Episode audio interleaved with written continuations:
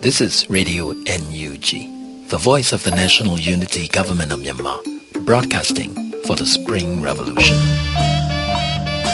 Radio NUG is transmitting from shortwave 16 meter, 17.710 megahertz daily at 8 a.m. and 8 p.m. Myanmar Standard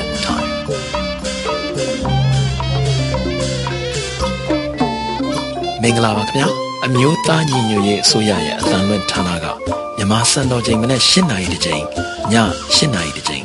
လိုင်းလိုမီတာ16 19.8 MHz မှာနေ့စဉ်အသံလွှင့်ပေးနေပါပြီမြန်မာနိုင်ငံသူနိုင်ငံသားများမင်္ဂလာအပေါင်းနဲ့ပြည့်စုံကြပါစေခုချိန်ကစပြီး Radio NUG အစီအစဉ်လေးကိုဓာတ်ရိုက်အသံလွှင့်ပေးနေပါပြီ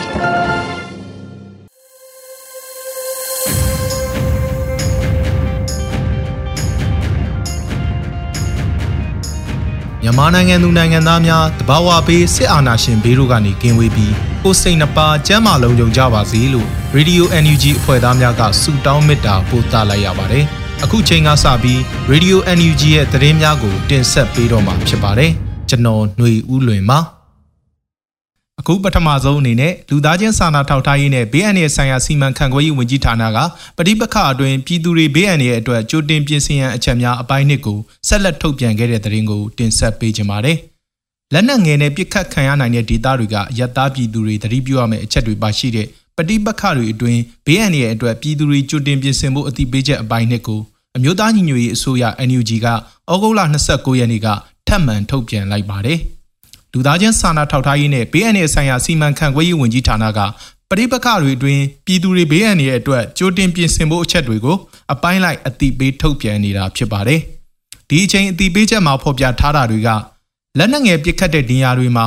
ကွန်ကရစ်နေအိမ်ဖြစ်ရင်နေအိမ်ရဲ့အတွင်းပိုင်းအကျဆုံးနဲ့အလုံးကျုံဆုံးအခန်းတစ်ခန်းသတ်မှတ်ထားဖို့မှန်ကာထားတဲ့အခန်းအပြင်ဘက်နဲ့ထိစပ်နေတဲ့အခန်းမျိုးကိုအသုံးမပြုဖို့အတိပေးထားပါတယ်။ ဖြစ်နိုင်ရင်အဲ့ဒီအခန်းမှာဆန်အိတ်တွေသဲအိတ်တွေဘီလက်မြေအိတ်တွေကိုအသုံးပြုပြီးပုံအောင်စရာနေရာဖန်တီးထားဖို့လည်းအကြံပြုထားပါတယ်။ပြစ်ခတ်တန်တွေအဆက်မပြတ်ကြားရရင်ခိုင်ခန့်တဲ့ကရင်စပွဲအောင်မှာအကာအကွယ်ယူပြီးပုံအောင်မှုပြစ်ခတ်တန်တွေရက်တန့်သွားတဲ့အထိငြိမ်သက်စွာပုံအောင်ခိုလုံမှုနဲ့မဖြစ်မနေနေရာရွှေ့ပြောင်းမှုလိုအပ်တယ်ဆိုရင်တွားသွားယူနေရာရွှေ့ဖို့ကိုခန္ဓာနဲ့ခေါင်းမော်ကိုပြုတ်ကျနိုင်တဲ့အရာတွေကိုတတိပြုရွှေ့ပြောင်းမှုအတိပေးချက်မှာရေးသားထားတာပါ။ပြစ်ခတ်တန်ကြားလို့အိမ်ပြင်ထွက်ကြည့်တာ ပတ်ဝန်းကျင်ကိုစူးစမ်းတာတွေမလုပ်ဘဲအိမ်ထဲမှာသာပုံအောင်နေထိုင်ဖို့လိုအပ်တယ်လို့ဆိုပါတယ်။ကိုယ့်ရဲ့အိမ်ဟာလုံခြုံမှုမရှိဘူးဆိုရင်အနည်းဆုံးမှရှိတဲ့ခိုင်ခန့်တဲ့အဆောက်အုံစီကိုတတိဝရိယရှိစွာအမြန်ဆုံးပြောင်းရွှေ့ဖို့နေအိမ်ကိုစွန့်ခွာရမယ်ဆိုရင်ဆောင်ရွက်ရမယ့်အချက်တွေကိုလည်းလိုက်နာရမယ်လို့ကိုယ့်အိမ်ကအဝင်ထွက်လမ်းကြောမှာတည်ရှိနေတယ်ဆိုရင်လုံခြုံရေးကိုပုံမူဂီးစိုက်ပြင်ဆင်ထားဖို့အတိပေးထားပါတယ်။ အမျိုးသားညီညွတ်ရေးအစိုးရအနေနဲ့နေ့စဉ်နဲ့အမျှတပ်ဖြတ်ခံနေရတဲ့ပြည်သူတွေရဲ့အသက်အိုးအိမ်စီစဉ်ကိုကာကွယ်စောင့်ရှောက်ဖို့မလွဲမသွေတိုက်ပွဲဝင်ရတော့မှာဖြစ်တယ်လို့ယာယီသမရဒူဝါလရှိလာကပြောကြားခဲ့ပြီးတဲ့နောက်ပိုင်းမှာအခုလိုပြည်သူတွေကြိုတင်ပြင်ဆင်ရမယ့်အချက်တွေကိုထုတ်ပြန်နေတာဖြစ်ပါတယ်။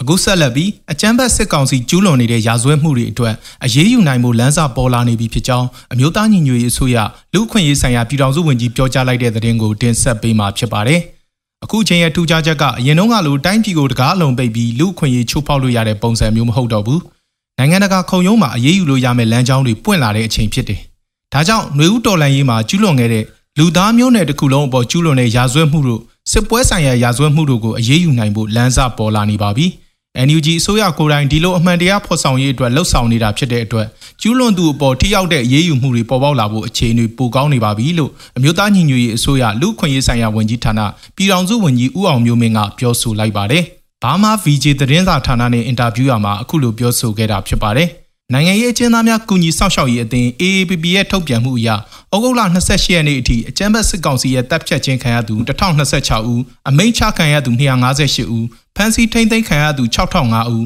ဝရမ်းထုတ်ခံထားသူ1984ဦးရှိနေပြီလို့သိရပါတယ်။အကြမ်းဖက်စစ်ကောင်စီဟာပြည်သူလူထုရွေးကောက်တင်မြှောက်ထားတဲ့တရားဝင်အစိုးရထံကအာဏာကိုလူယူခဲ့တဲ့ဖေဖော်ဝါရီလ1ရက်နေ့ကစလို့ပြည်သူလူထုအပေါ်မတရားဖမ်းဆီးနှိပ်စက်ညှဉ်းပန်းတပ်ဖြတ်မှုတွေကိုတောက်လျှောက်ကျူးလွန်နေခဲ့တာဖြစ်ပါတယ်။ အကြမ်းဖက်စစ်ကောင်စီနဲ့လက်ပါစီလက်နက်ကိုင်းတွေကိုပြည်ထောင်စုလွှတ်တော်ကုစားပြုကော်မတီကလည်းအကြမ်းဖက်အဖွဲ့အစည်းအဖြစ်ကြေညာပြီးဖြစ်ပြီးကျူးလွန်မှုတွေအတွက်အရေးယူဆောင်ရွက်နိုင်မှုအမျိုးသားညီညွတ်ရေးအစိုးရနဲ့တပ်ဆိုင်ရာဝန်ကြီးဌာနတွေကအသီးသီးစ조사နေကြတာပါအစိုးရတရက်ရဲ့ဝတရားရှိတာနဲ့အညီကျူးလွန်သူတွေကို ပြည်တွင်းနဲ့နိုင်ငံတကာတရားဥပဒေနဲ့အညီအရေးယူအပြစ်ပေးနိုင်မှုကျွန်တော်တို့လူ့အခွင့်အရေးဆိုင်ရာဝန်ကြီးဌာနအနေနဲ့ဥတီချက်တရက်ချမှတ်ပြီးဆောင်ရွက်နေပါတယ်။တရားမျှတမှုကကင်းလွတ်နေတဲ့ယဉ်ကျေးမှုကိုအဆုံးသတ်နိုင်ရေးဟာစစ်အုပ်စုရဲ့လက်တွဲမှာတစားကန်တပ်ဖွဲ့ပြန်ပြီးဆွဲခံထားရတဲ့ကျွန်တော်တို့ရဲ့ပြည်သူတွေအတွက်ကျွန်တော်တို့အနေနဲ့အလေးအနက်ပေးနိုင်တဲ့ဂတိကဝတ်တစ်ခုဖြစ်ပါတယ်လို့လူ့ခွင့်ရေးဆိုင်ရာဝန်ကြီးဌာနဒုတိယဝန်ကြီးခွန်ဗဟန်းထံကလည်းမြန်မာပြည်အကျဉ်းထောင်စနစ်အားသုံးသက်လေးလာခြင်းစကားဝိုင်းမှာပြောဆိုခဲ့ပါသေးတယ်။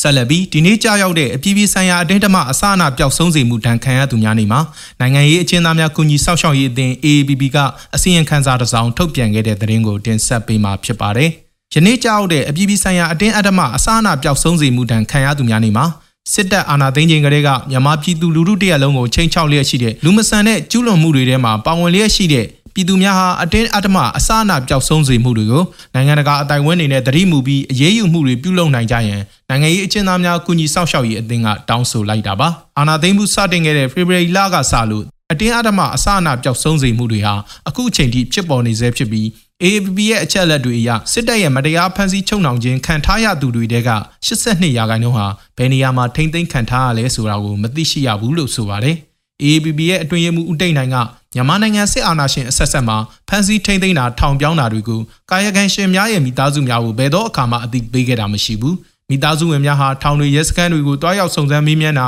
အကျဉ်းကျနေသူတွေရဲ့မိသားစုဝင်ကတဆင့်စုံစမ်းမေးမြန်းတာတွေကိုအချိန်ကုန်ငွေကုန်လူပင်ပန်းခံပြီးခက်ခက်ခဲခဲစုံစမ်းကြရတယ်တခါတရံမီဒီယာတွေကမှတဆင့်သိကြရတယ်နိုင်ငံတော်သမ္မတဦးဝင်းမြင့်နဲ့လူလူကောင်းဆောင်ဒေါအောင်ဆန်းစုကြည်ကိုတောင်ဒီကနေ့အထိဘယ်နေရာမှာထိမ့်သိမ်းထားတယ်ဆိုတာကိုမထုတ်ပြန်တဲ့အပြင်ရှင်းနေတွေနဲ့တွေးခွင့်ကိုပါပိတ်ပင်ထားတာတွေလှုပ်လာခဲ့တယ် ဒီလိုရည်ရွယ်ချက်ရှိရှိအစအနပြောက်ဆုံးစေခြင်းဟာပြည်သူတွေရဲ့လုံခြုံရေးကိုကြီးမားစွာချိန်ချောက်တာဖြစ်ပြီးနိုင်ငံတကာဥပဒေတွေကိုလည်းစိန်ခေါ်ရာရောက်ပါတယ်လို့မှတ်ချက်ပြုပါတယ်။ရောမစာချုပ်2002မှာအာဏာပိုင်တွေအနေနဲ့ထိမ့်သိမ်းချုံနှောင်ထားတဲ့တစုံတဦးကိုအချိန်ကာလကြာမြင့်စွာဥပဒေရဲ့အကာအကွယ်ပေးမှုကနေကင်းလွတ်စေရန်ရွယ်ချက်နဲ့ဘယ်နေရာမှာရှိတယ်ဆိုတာကိုထုတ်ပေါ်ပြောဆိုဖို့နဲ့လွတ်လပ်မှုဆုံးရှုံးနေတာကိုအတိအမှတ်ပြုဖို့ညှင်းဆန်နေတာဟာအတင်းအဓမ္မအစအနပျောက်ဆုံးစေမှုဖြစ်တယ်လို့ပြဋ္ဌာန်းထားပါတယ်။ စေအုပ်စုကအလိုရှိသူကိုဖမ်းမမိတဲ့အခြေအနေမျိုးမှာမိသားစုဝင်တွေကိုတစားကန်အဖြစ်ဖမ်းဆီးတာတွေကိုလည်းပြုလုပ်လျက်ရှိတယ်လို့အဲ့ဒီတစားကန်တွေကိုလည်းဘယ်နေရာမှာထိမ့်သိမ်းထားတယ်ဆိုတာထုတ်ပြောဆိုတာမရှိပါဘူးရောမစာချုပ်ရဲ့အပိုက်ခွန်စားမြင်ဆွဲမှာ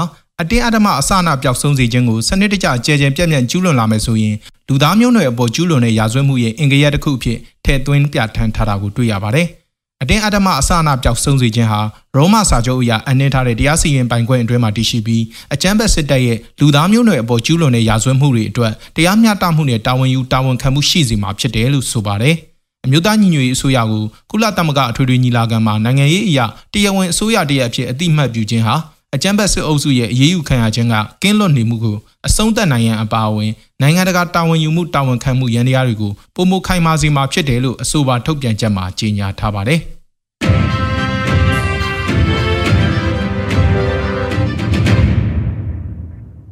အခုနောက်ဆုံးအနေနဲ့အမျိုးသားညီညွတ်ရေးအစိုးရစီမံကိန်းဗန်နာရေးနဲ့ယင်းနှိမ့်ညုံနှံမှုဝန်ကြီးဌာနကဝန်ထမ်း62ဦးကိုအမည်ပြစင်းရင်တင်သွင်းပြီးဝန်ထမ်းအဖြစ်ကထုတ်ပယ်လိုက်တဲ့သတင်းကိုတင်ဆက်ပေးမှာဖြစ်ပါတယ်။ အကြံဘတ်စစ်ကောင်စီလက်အောက်မှာဆက်လက်တာဝန်ထမ်းဆောင်နေပြီးအကြမ်းမဖက်အာဏာဖီဆန်ရေးလှုပ်ရှားမှုစီးရီးယားမှာပါဝင်ခဲ့ကြတဲ့နိုင်ငံဝန်ထမ်းပြည်ရဲကောင်းတွေကိုအမျိုးမျိုးဖိနှိပ်နေတဲ့ဝန်ထမ်း62ဦးကိုအမည်ပြစင်းတင်သွင်းလိုက်ပြီးဝန်ထမ်းအဖြစ်ကထုတ်ပယ်လိုက်တယ်လို့စီမံကိန်းဗန်နာရေးနဲ့ယင်းနှိမ့်ညှုံနှံမှုဝန်ကြီးဌာနကဩဂုတ်လ29ရက်နေ့မှာအမည်စရင်းတွေနဲ့တကွထုတ်ပြန်ခဲ့ပါတယ်။ အဲ့ဒီဝန်ထမ်း62ဦးဟာတရားမဝင်အာဏာသိမ်းစစ်ကောင်စီရဲ့လက်အောက်မှာဆက်လက်တာဝန်ထမ်းဆောင်နေတဲ့အပြင်စီဒီအမ်ဝန်ထမ်းတွေကိုဖိအားပေးတာချင်းချောက်တာယာရုကထုတ်ပယ်တာဝန်ထမ်းအဖြစ်ကထုတ်ပယ်တာတရားစွဲဆိုတာနဲ့အမျိုးမျိုးသောဖိနှိပ်မှုတွေကိုကျူးလွန်နေလို့အခုလိုဝန်ထမ်းအဖြစ်ကနေထုတ်ပစ်လိုက်တာဖြစ်ပါတယ်။ အမျိုးသားညီညွတ်ရေးအစိုးရစီမံကိန်းဗန်နာရေးနဲ့ယင်းနှိမ့်မြုံနှံမှုဝန်ကြီးဌာနအနေနဲ့အကြမ်းမဖက်အာဏာဖီဆန်ရေးလှုပ်ရှားမှုစီရီယံမှာပါဝင်ခဲ့ကြတဲ့နိုင်ငံဝန်ထမ်းတွေရဲ့ကောင်းတွေရဲ့လူမှုဖူလုံရေးလုံခြုံဘေးကင်းရေးနဲ့ PR ကင်းစင်ရေးတို့အတွက်အလေးထားဆောင်ရွက်လျက်ရှိတယ်လို့အသိပေးခဲ့ပါတယ်။အရင်ကလည်းစီရီယံဝန်ထမ်းတွေကိုဖိနှိပ်ခဲ့တဲ့စစ်ကောင်စီလက်အောက်မှာတာဝန်ထမ်းဆောင်နေတဲ့ဝန်ထမ်းတွေကိုအမျိုးသားညီညွတ်ရေးအစိုးရရဲ့တပ်ဆိုင်ရာဝန်ကြီးဌာနတွေကအခုလိုအရေးယူခဲ့တာမျိုးရှိခဲ့ပါတယ်။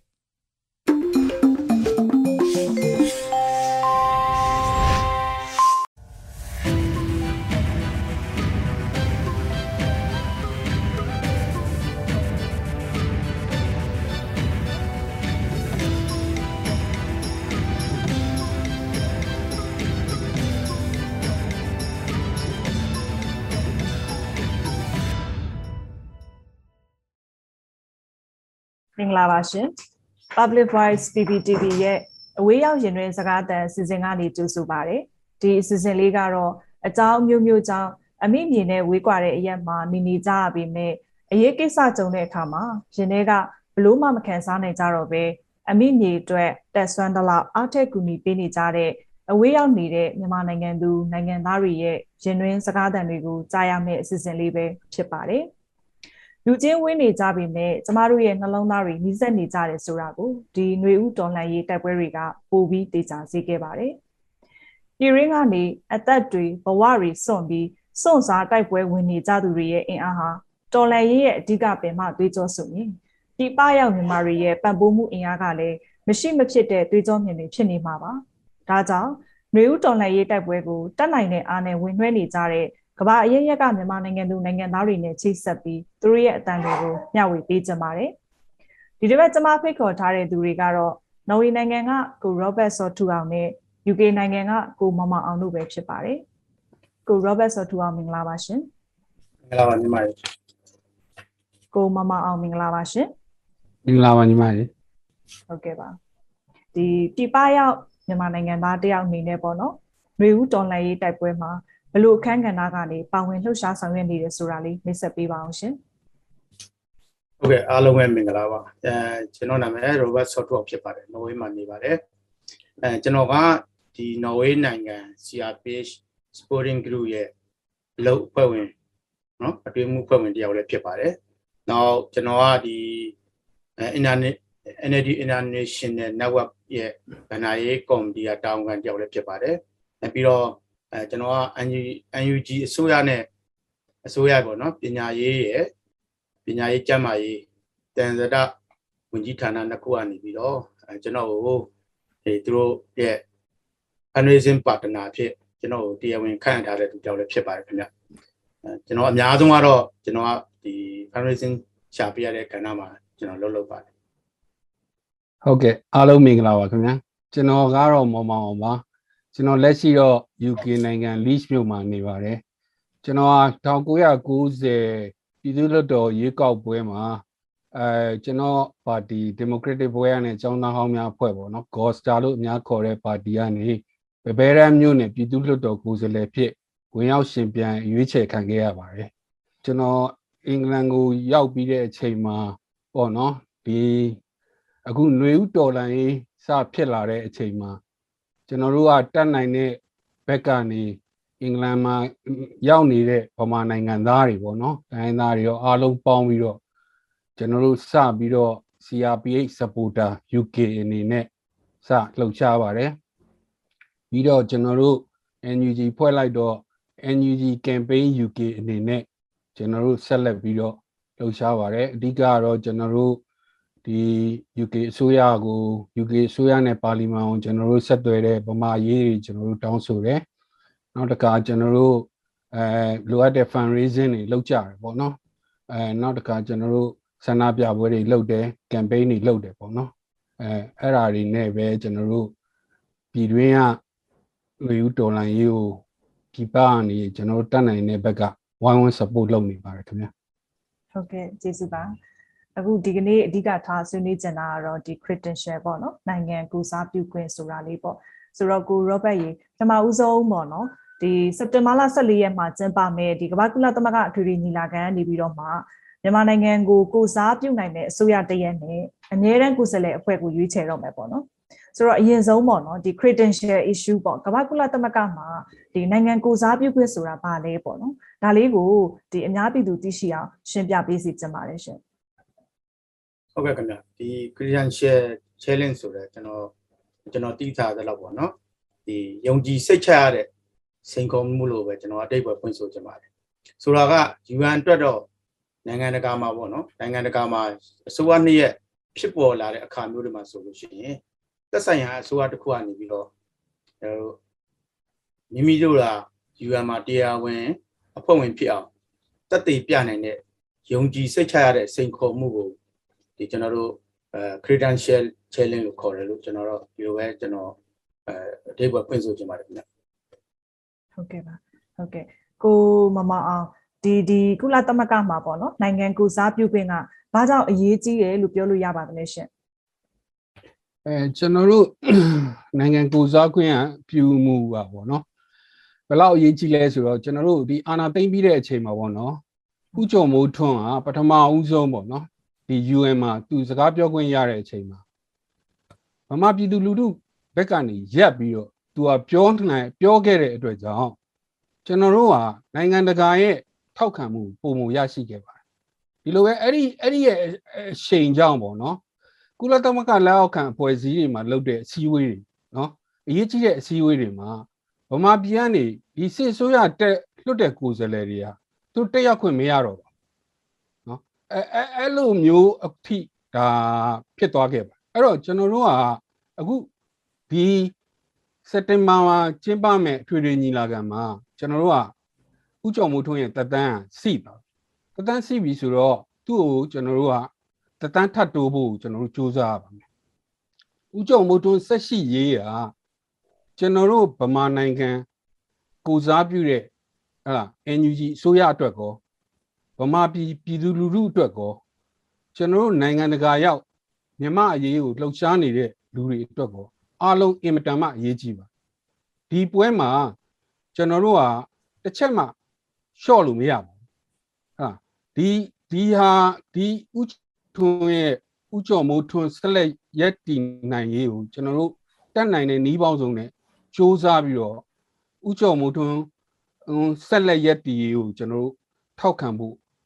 အရေးတကြီးလိုအပ်ပါတယ်ဒါမှပဲကျွန်တော်တို့ဟာရှေ့ဆက်ပြီးတော့နော် UN နဲ့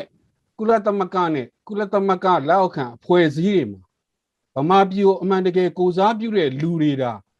ဟာဗမာပြည်သူတွေကိုစားပြောရေးဆိုခွင့်နေရှိလာမှာဖြစ်ပါတယ်ဒီအခုဆိုရင်ပေါ့နော်ဒီအာနာသိန်း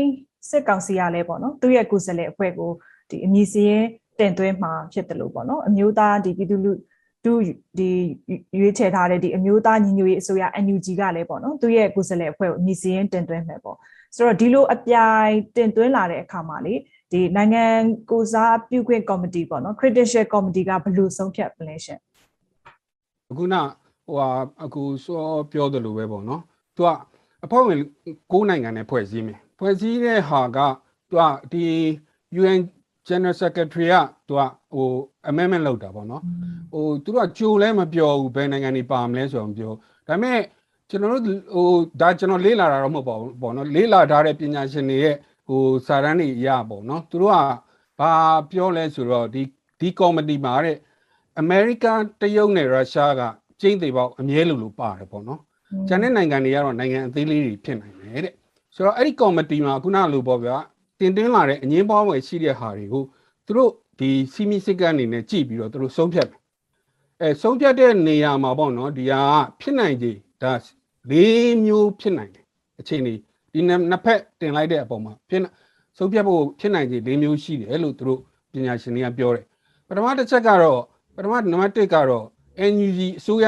ကတင်သွင်းတဲ့ကိုယ်စားလှယ်ကိုလက်ခံလိုက်တာဒါကတော့ကျွန်တော်သိလိုချင်တဲ့ဟာပေါ့အဲဒါပေမဲ့အဲအဲ့ဒါဖြစ်နိုင်လို့ဒုတိယတစ်ချက်ကကျွန်တော်တို့မလိုချင်တဲ့ ဒီစစ်တပ်ကတင်သွင်းလိုက်တဲ့ကိုယ်စားလှယ်ကိုလက်ခံလိုက်တဲ့အခြေအနေဒါကတော့ကျွန်တော်တို့မလိုချင်ဘူးကျွန်တော်တို့မလိုချင်တယ်လို့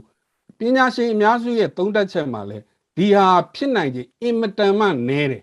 ဒါပေမဲ့လုံးဝမဖြစ်နိုင်ဘူးလို့တော့ပြောလို့မရဘူးပေါ့နော်ဖြစ်နိုင်ခြင်းအင်မတန်မှနည်းနောက်တတိယအချက်တတိယအခြေအနေကဘာဖြစ်နိုင်လဲဆိုတော့ဗမာပြည်အတွက်ဆုံးဖြတ်ချက်ကိုရက်ဆိုင်ထားပြီးတော့ခိတ္တဆိုင်းငံ့ထားပြီးတော့ဥကြုံမိုးထွန်းကို ဒီတိုင်းပဲဆက်လက်ရာထူးရှိနေအောင်ဟုတ်သွားဆက်သွားမယ်အဲအဲ့ဒီဖြစ်နိုင်ကြရတော့တော်တော်များတယ်ရာဂိုင်နှုန်းတော်တော်များတယ်ပေါ့နော်နောက်တစ်ခုဖြစ်နိုင်ကြရလဲရှိသေးတယ်အဲ့ဒီဟာလဲရာဂိုင်နှုန်းနဲ့များတယ်ဖြစ်နိုင်ကြတယ်အဲ့ဒါဘာလဲဆိုတော့ဗမာပြည်အတွက်ဆုံးဖြတ်ချက်ကိုရက်ဆိုင်မယ်ပြီးတော့ဗမာပြည်ကိုယ်စားလှယ်နေရာကိုလည်းကုလသမဂ္ဂကလကုလသမဂ္ဂမှာခဏရက်ဆိုင်ထားမယ်အဲ့ တော့ဆိုလိုချင်တာဥကြုံမိုးထွန်းလည်းမရှိတော့ဗမာကိုယ်စားလှယ်ကိုစားပြုကိုယ်စားလှယ်မရှိတော့အဲ့ဒီအခြေအနေပဲဖြစ်နေ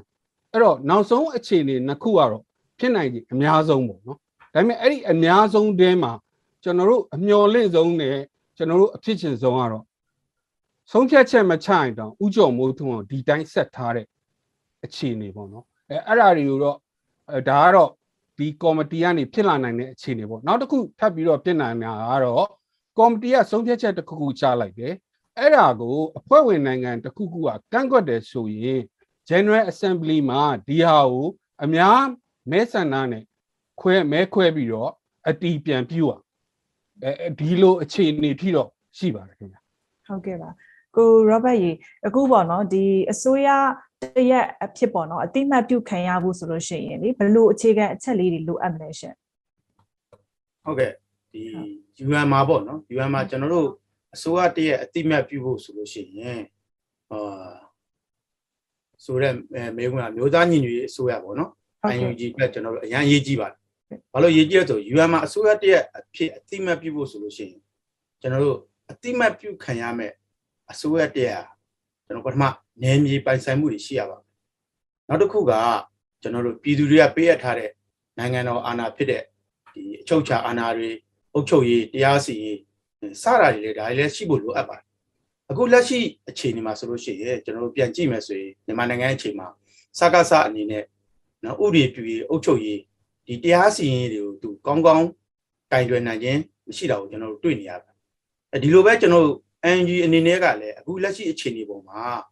နယ်မြေပိုင်ဆိုင်မှုမရှိသေးတာကိုလည်းကျွန်တော်တို့တွေ့ရပါတယ်။ဒါတွေကိုကြည့်ကြအဖြစ်ကျွန်တော်တို့ဒီ NG အစိုးရအနေနဲ့ဒီစက်တင်ဘာလမှာ14ရက်မတိုင်မီလေးမှာ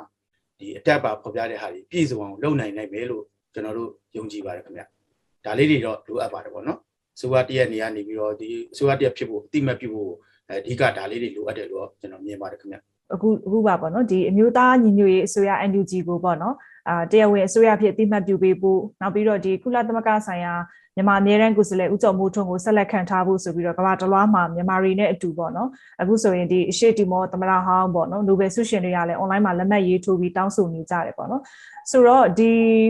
အလက်မှတ်ထိုးလှုပ်ရှားမှုတွေကလည်းနိုင်ငံအလိုက်ပါဝင်တာကိုတွေ့ရတယ်ပေါ့နော်ဆိုတော့ဒီအကြောင်းလေးလည်းရှင်းပြပေးပါအောင်ရှင်ဒီပရောက်မြန်မာ scholar တွေပေါ့နော်သူတို့